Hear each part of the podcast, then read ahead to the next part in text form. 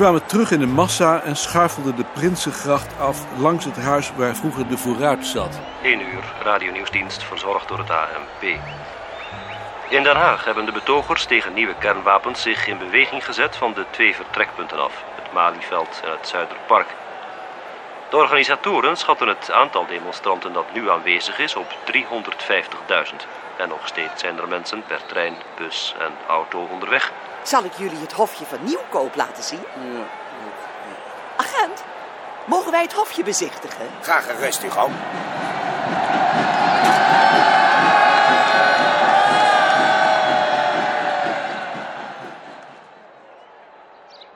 Dat is voor 100.000 gebouwd. 100.000? Zoveel kunnen er toch nooit in? Nee, geld. Vindt jullie ook niet dat ze dat moesten verbieden? Een bloembak in de vorm van een ezeltje. En er hing hier ook nog een klompje. Maar dat hebben ze gelukkig weggehaald. Dag mensen. Dag minderheid volgens Lubbers. Dag meerderheid volgens mij. Op een rommelig terreintje met wat houtopslag naast het hofje stonden mannen te pissen. Kijk nou toch eens. Maar ja, dat moet natuurlijk ook. We gaan hier rechtdoor, dan snijden we een stuk af. Rechtsaf. Rechtdoor. Rechtdoor is de Loosduinse weg. Hij was het niet met haar eens, maar hij liet het erbij. Op de steigers tegen een gebouw op de hoek stond het vol demonstranten die een ogenblik hun stoet overzagen. Er waren er meer op het idee gekomen om af te snijden. Een flinke stroom splitste zich van de hoofdstroom af en kuierde in de richting van de Laan van Meerdervoort. Er komen nog mensen bij naar het schijnt. Maar het aantal demonstranten staat voorlopig op 500.000, een half miljoen.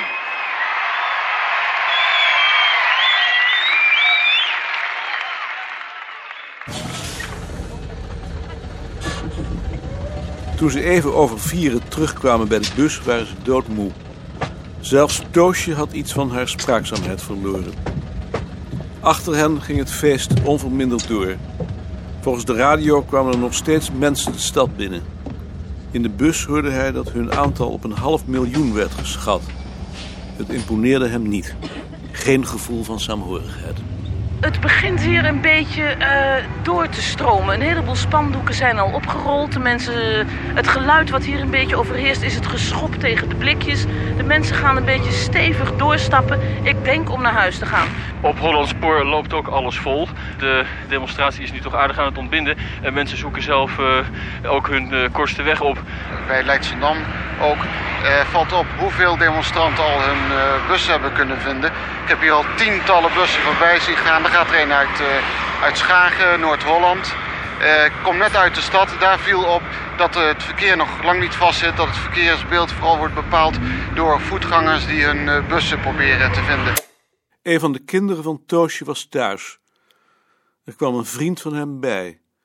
Even later kwamen ook de oudste zoon en zijn vrouw van de demonstratie. De oudste zoon met dezelfde luchtige grappen en plagerijen als zijn vader vroeger. Hij dronk zijn borrel en deed rustig en geamuseerd. Een houding die hem vooral goed afging als hij moe was en hoofdpijn had. Ze aten echte soep in de keuken. En tenslotte gingen ze weg.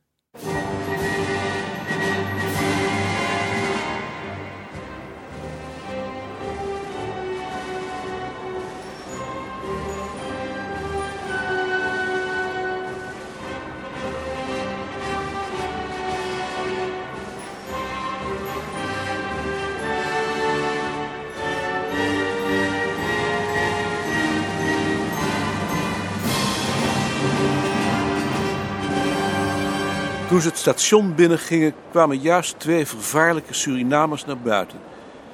Hij wilde doorlopen naar het achtste perron. Nicolien naar het vierde, maar hij zette zijn wil door. Toen hij al in de trein wilde stappen, zag hij dat het de trein naar Den Haag was.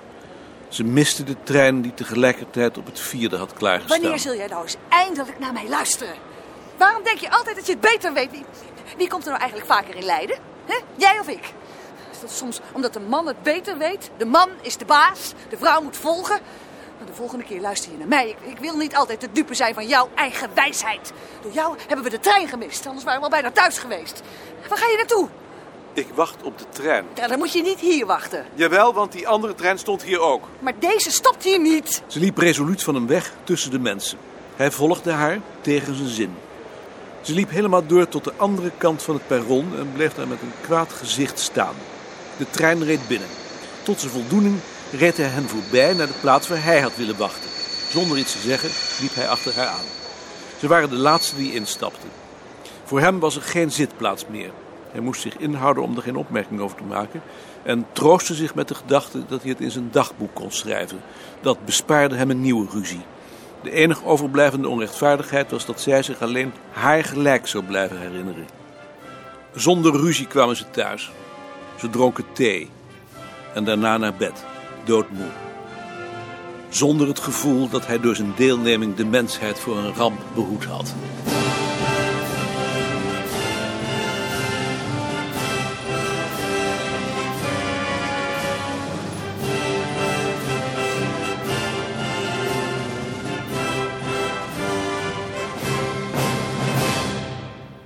Ik zal hem even roepen. Mia van Idegem. Hé, hey, Gaan ze je nu ook al in het weekend bellen? Mia. Dag Maarten. Kan ik je wel bellen op zondag? Tuurlijk.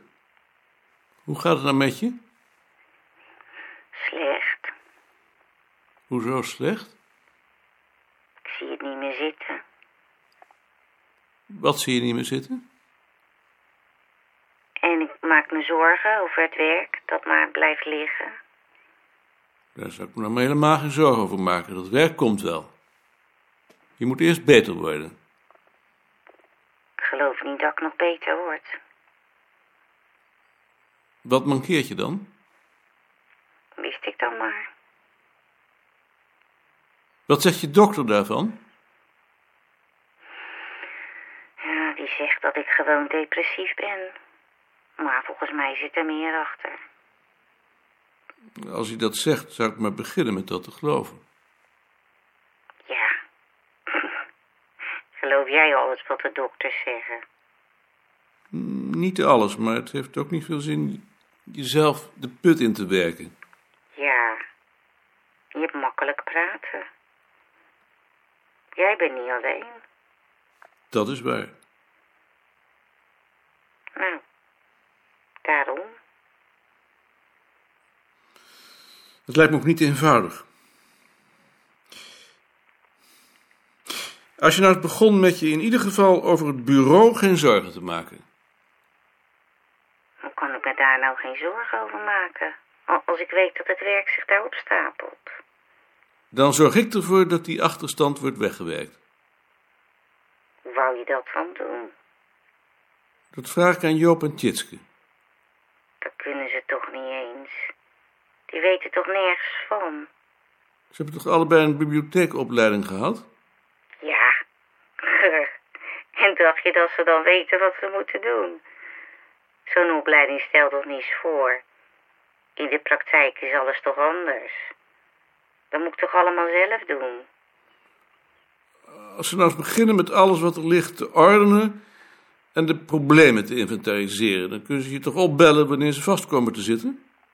Dacht je dan dat je dat door de telefoon kunt uitleggen?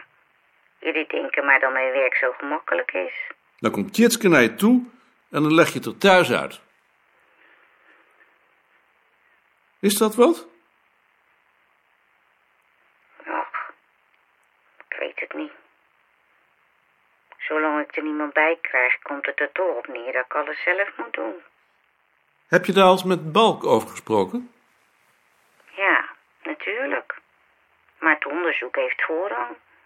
De bibliotheek komt altijd op de laatste plaats. Alsof mijn werk niet net zo goed belangrijk is. Ik denk niet dat er iemand is die jouw werk niet belangrijk vindt. Waarom krijg ik er dan nooit iemand bij?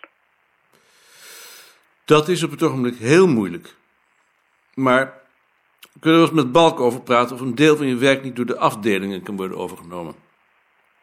Ach, dat kan toch helemaal niet. Zie het al. Dat weet ik niet. Dat zou moeten bekijken als je weer beter bent. Als ik beter word, ja. Daar gaan we natuurlijk van uit. En daar moet jij ook van uitgaan, want anders werk je jezelf steeds dieper de put in. Is dat niet zo? Ach, ik had je beter niet kunnen opbellen. Ik val je maar lastig. Ik ben blij dat je dat hebt gedaan. Meen je dat? Tuurlijk meen ik dat. Zal ik maar eens beginnen met Joop en Tjitske aan de achterstand te zetten? Als je denkt dat dat zin heeft. Van mij hoeft het niet. Ik denk dat het zin heeft. Als je straks terugkomt, moet je een leeg bureau vinden. Hm. Nou, dat moet ik nog zien. Dat is nog nooit gebeurd. Dat gebeurt dan nu.